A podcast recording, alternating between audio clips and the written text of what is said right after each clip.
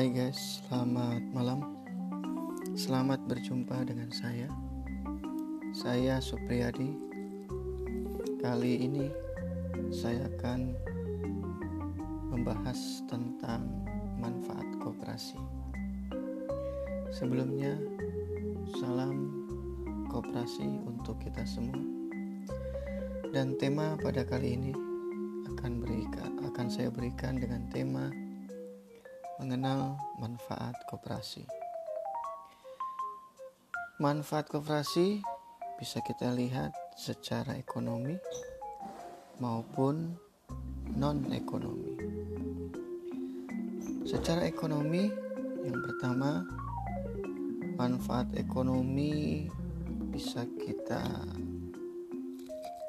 lihat dari pembelian barang atau pengadaan jasa.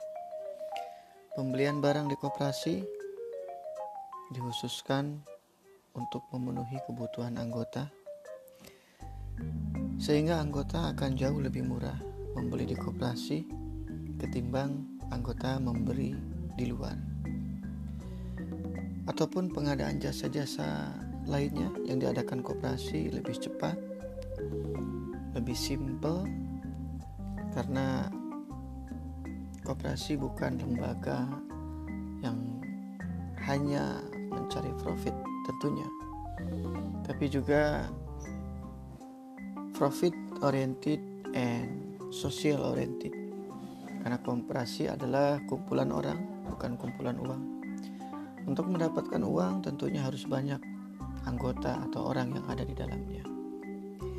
Manfaat ekonomi yang kedua dari pemasaran dan pengolahan bersama. Pemasarannya sama-sama dipasarkan oleh anggota sehingga tidak membutuhkan banyak marketing yang harus dibayar. Begitupun pengolahan bisa saling bekerja sama dengan sesama anggota ketika ada waktu yang luang. Tentunya ada nilai lebih bagi anggota yang bisa ikut mengolah, bersama. Manfaat ekonomi yang ketiga adalah ketika koperasi itu memiliki unit simpan pinjam.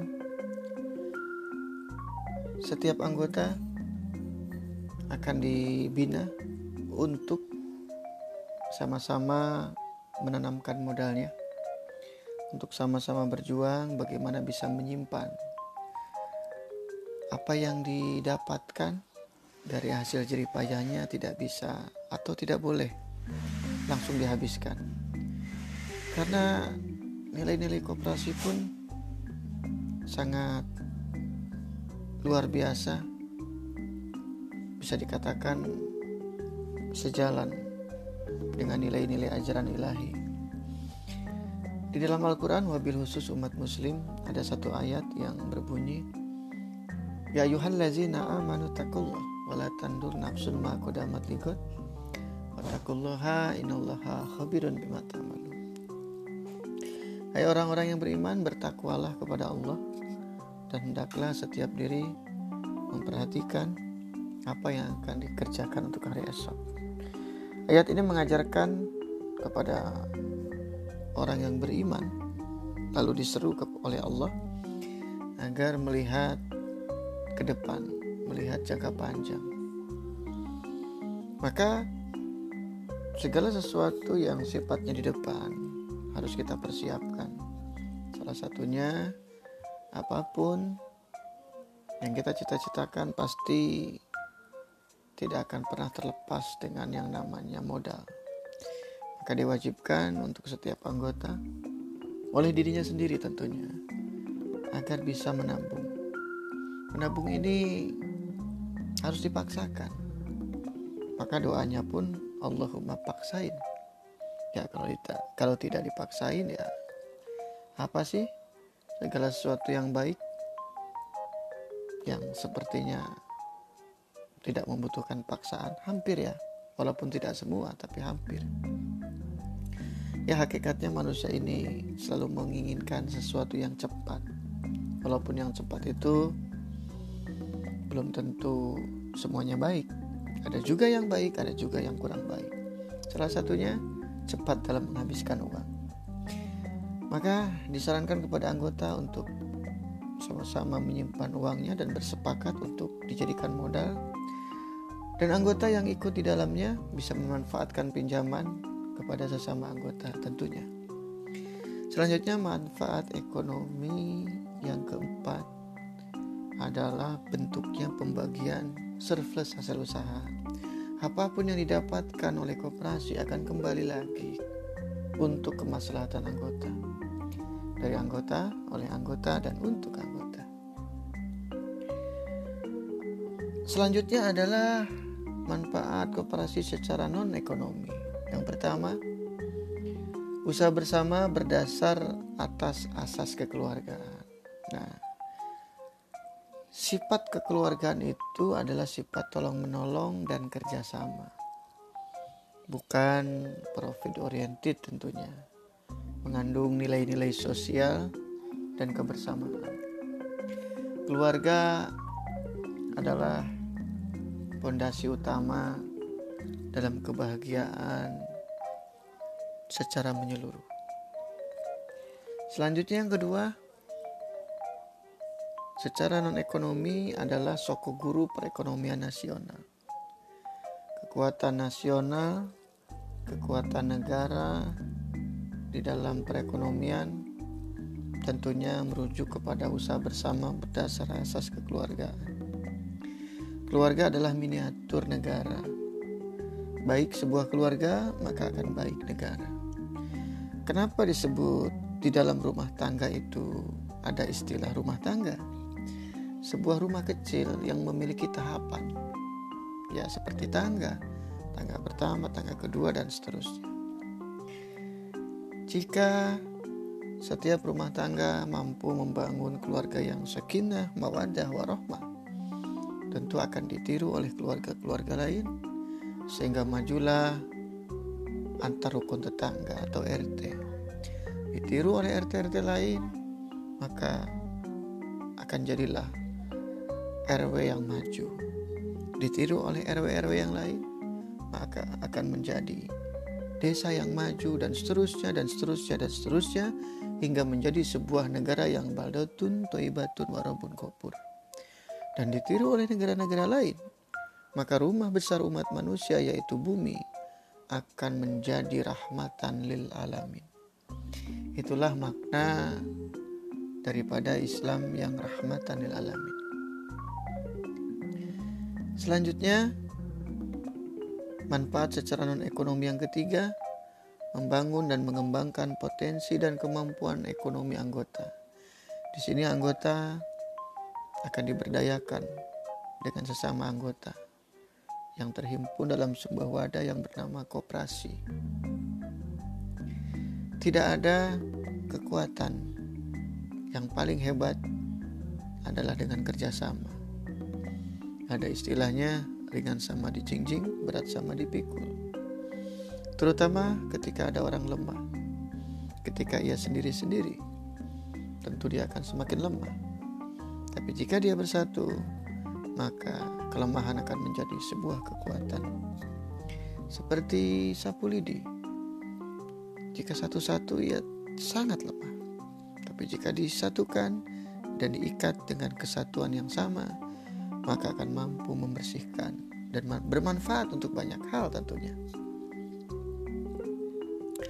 Terus manfaat non ekonomi yang keempat berperan serta secara aktif dalam upaya mempertinggi kualitas kehidupan anggota dan masyarakat pada umumnya. Ya, karena di koperasi ada pendidikan.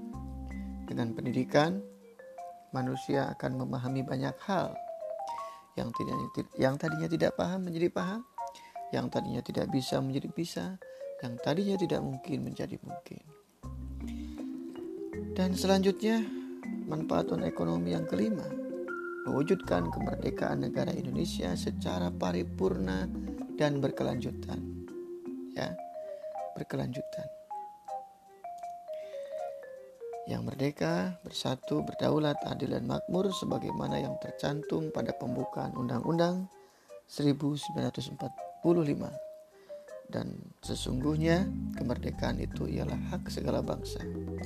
Dan oleh sebab itu maka penjajahan di atas dunia harus dihapuskan karena tidak sesuai dengan peri kemanusiaan dan peri keadilan. Kesimpulannya, manfaat kooperasi secara non-ekonomi adalah membangun kooperasi sama dengan membangun negara. Oke, itu secara keseluruhan manfaat kooperasi baik secara ekonomi maupun non-ekonomi. Sebelum saya jelaskan lebih jauh, maka marilah kita dengarkan lagu penyemangat ini agar kita tetap bersatu, merdeka.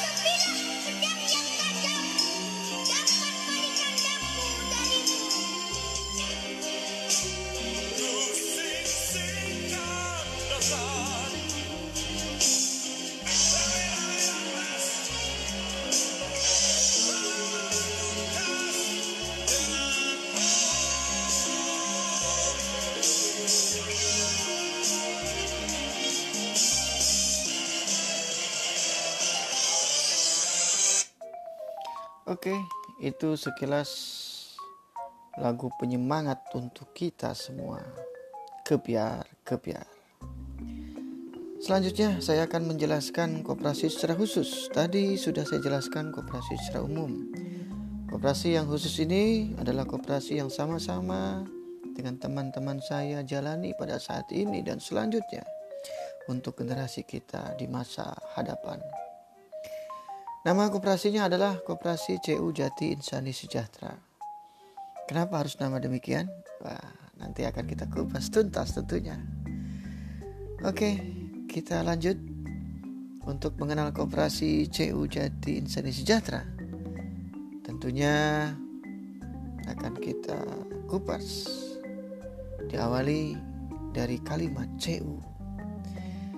Yang pasti Koperasi CU Jati Insani Sejahtera adalah koperasi simpan pinjam. Tapi di depannya bukan KSP Jati Insani Sejahtera, melainkan CU Jati Insani Sejahtera. Apakah itu CU? Ya. CU singkatan dari Credit Union. Berasal dari bahasa Latin yang bermakna yang pertama. Kredit asal kata dari credere yang artinya percaya. Union sama adalah union yang berarti kumpulan atau kesatuan. Maka CU atau Credit Union adalah badan usaha yang dimiliki oleh sekumpulan orang yang saling percaya dalam ikatan pemersatu. Jadi, kepercayaan itu harus diikat agar kuat. Pendiri Credit Union adalah Friedrich Wilhelm Revision. Beliau adalah seorang wali kota dari dari negara Jerman. bagaimana ia mendirikan sejarah CU. Mari kita simak sedikit banyaknya video tentang kredit union. Check it out. Anda kembali bersama kami di Warta CU. Pemirsa berbicara kredit union tentunya tak lepas dari perjuangan panjang seorang wali kota Farmersfield, Frederick Wilhelm Revation. Berawal dari kemiskinan yang terjadi di Jerman pada abad ke-19, CU justru mampu menjadi solusi dalam mengatasi keterpurukan ekonomi di wilayah tersebut. Berikut kita saksikan perjalanan singkat Frederick Wilhelm Revation dalam perjuangan panjangnya merintis kredit union di Jerman.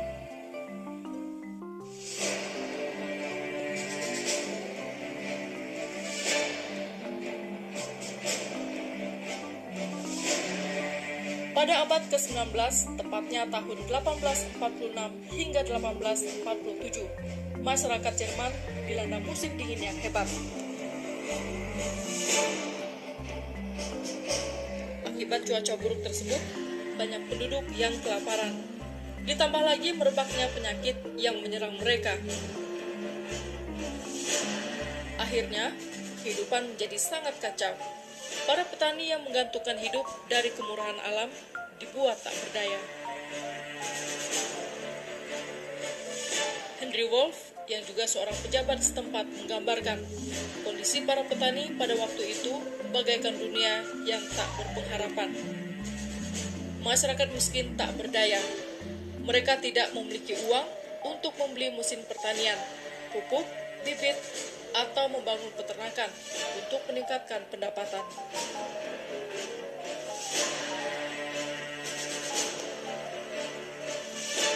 Kondisi ini dimanfaatkan kaum lintah darat. Mereka meminjamkan uang dengan bunga yang sangat tinggi. Di samping itu, kaum lintah darat tersebut juga meminta jaminan atas lahan pertanian. Ketika para petani tak mampu membayar pada waktu yang ditentukan, maka lahan pertanian tersebut langsung disita. Bahkan sering terjadi harta benda para petani menjadi incaran kaum lintah darat.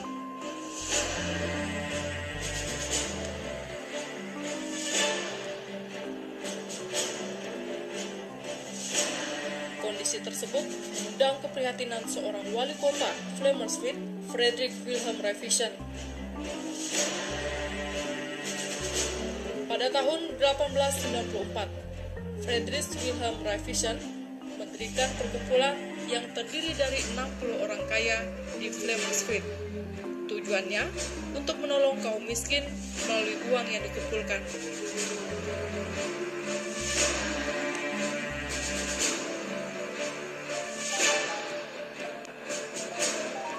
Upaya sang wali kota mendapat tanggapan positif dari kaum kaya tersebut. Namun, upaya tersebut tidak membuahkan hasil dan tak dapat menyelesaikan masalah yang dihadapi kaum miskin. Penggunaan uang tak terkontrol, bahkan tidak sedikit di antara mereka dengan sengaja memboroskan uang tersebut agar dapat menerima bantuan lagi. Celakanya, jumlah warga miskin justru semakin bertambah karena mudahnya memperoleh uang. Akibatnya, para dermawan tidak berminat membantu kaum miskin lagi.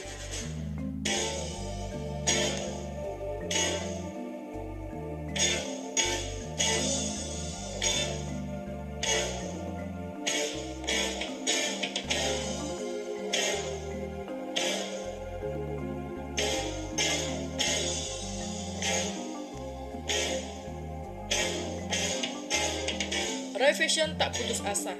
Ia mendirikan pabrik roti dan menjualnya kepada orang yang kurang mampu dengan harga murah. Ia juga mendirikan perkumpulan yang bertugas meminjamkan uang dan membeli bibit kentang kepada petani. Namun upaya tersebut tidak menyelesaikan masalah kemiskinan secara permanen. Anda kembali bersama kami di Warta Oke okay, guys, uh, ternyata terpotong sebentar sejarah kredit union agak sedikit terpotong. Kita lanjutkan guys. Anda kembali bersama kami di Warta Rajin dan Jujur. Dirikan sebuah organisasi baru oh, guys. karena keuntungan sebagai wali kota. ia mendirikan lagi organisasi yang bergerak di bidang sosial dan pendidikan. Organisasi ini dikenal cukup luas di kalangan masyarakat. Meski secara pengorganisasiannya berhasil, tapi kemudian muncul berbagai kendala. Para penanam modal dari kaum kaya mulai luntur semangatnya karena keuntungan organisasi tersebut tidak mereka rasakan. Revision terus memperbaiki dan menyempurnakan gagasan, terutama mengenai prinsip dan metode pengorganisasian masyarakat. Akhirnya ia menemukan solusi untuk mengganti metode pendekatan derma dan belas kasihan dengan prinsip menolong diri sendiri. Ternyata pendekatan ini sukses. 1864, Friedrich Wilhelm Revision mendirikan sebuah organisasi baru yang bernama Hildesdorfer Credit Union. Kebanyakan anggotanya adalah kaum petani, di mana untuk menjadi anggota, seseorang tersebut harus berwatak baik, rajin, dan jujur. Untuk mengantisipasi hal terburuk, calon anggota yang akan masuk harus melalui rekomendasi para tetangganya. Kegiatan yang dilakukan mirip dengan arisan, yaitu sama anggota mengumpulkan sejumlah uang lalu meminjamkannya kepada sesama anggota yang membutuhkan. Organisasi ini berkembang baik dan sesuai dengan keinginan sang wali kota. Melalui organisasi kredit union, anggota yang terlibat memiliki kemampuan untuk bangkit dari kemiskinan. Secara bertahap, kemiskinan pun mulai berkurang. Singkatnya, Hedesdorfer Credit Union yang dibangun Revision, petani dan pemburu, berkembang pesat di Jerman. Berdasarkan pengalaman di atas, sang wali kota Friedrich Wilhelm Revision menyimpulkan, sumbangan tidak menolong diri kaum miskin, tetapi sebaliknya, justru merendahkan martabat manusia yang menerimanya. Kemiskinan disebabkan oleh cara berpikir yang keliru. Kesulitan si miskin hanya dapat diatasi oleh si miskin itu sendiri. Si miskin harus mengumpulkan uang secara bersama-sama untuk kemudian meminjamkan kepada sesama mereka. Pinjaman harus digunakan untuk tujuan produktif yang memberikan penghasilan. Jaminan peminjaman adalah watak peminjam itu sendiri. Hingga wafatnya Frederick Wilhelm Revision pada tahun 1988, terdapat 425 kredit union yang ada di Jerman.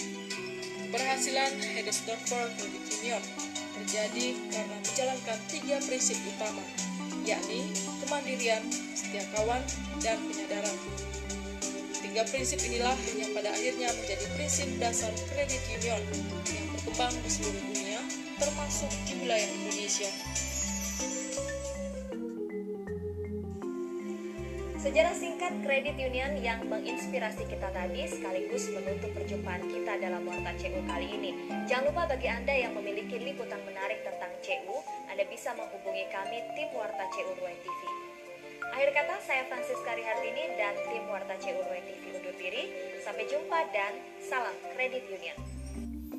Oke guys, itu sekilas tentang kredit union.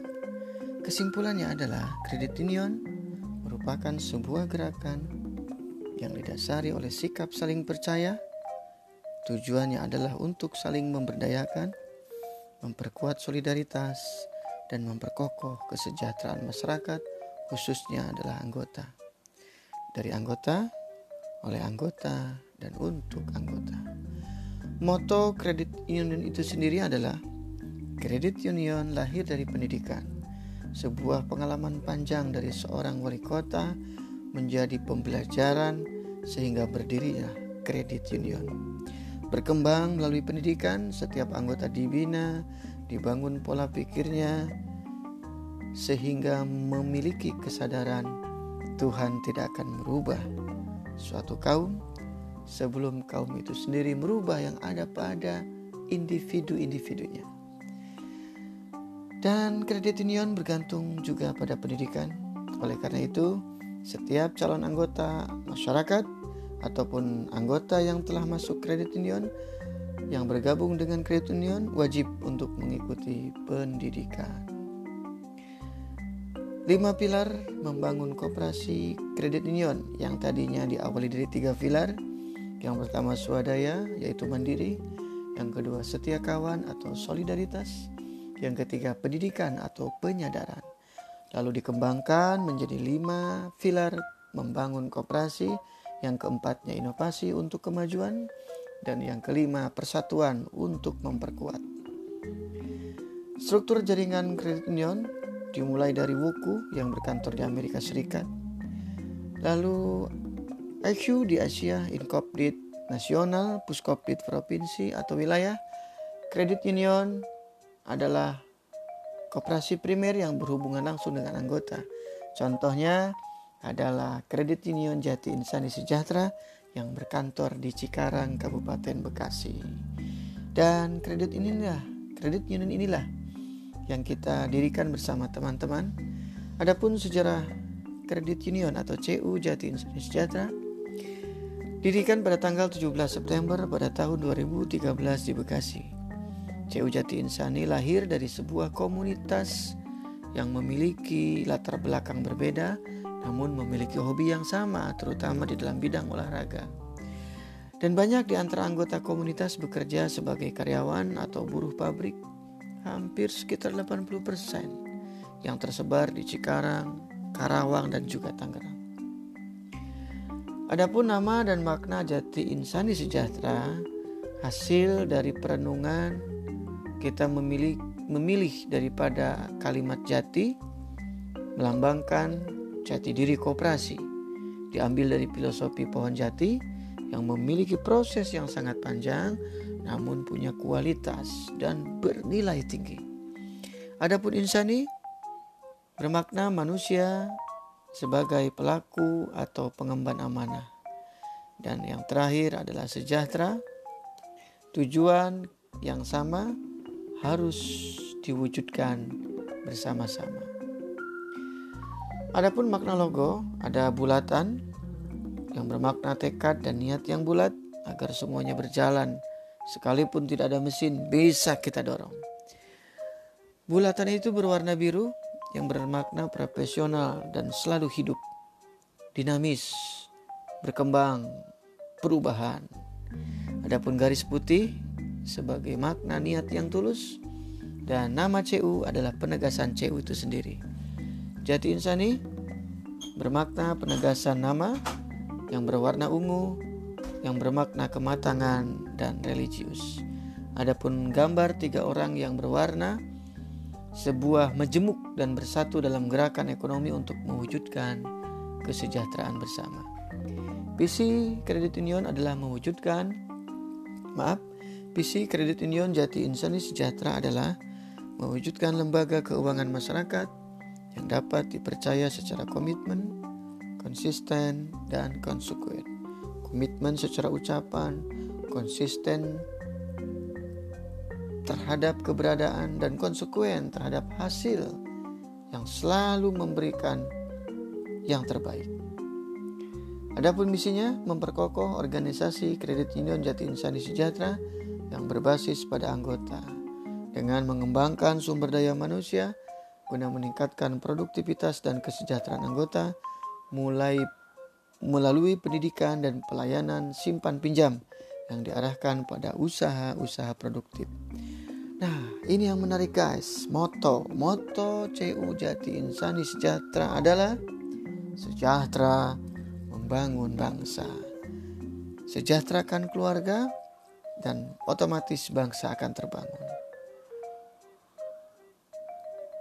Sasaran program CU Jatis Insani Sejahtera yang pertama menjadikan lembaga keuangan milik bersama yang mandiri, kreatif, dan inovatif dalam mendidik serta mendorong anggota untuk menjadi pelaku usaha.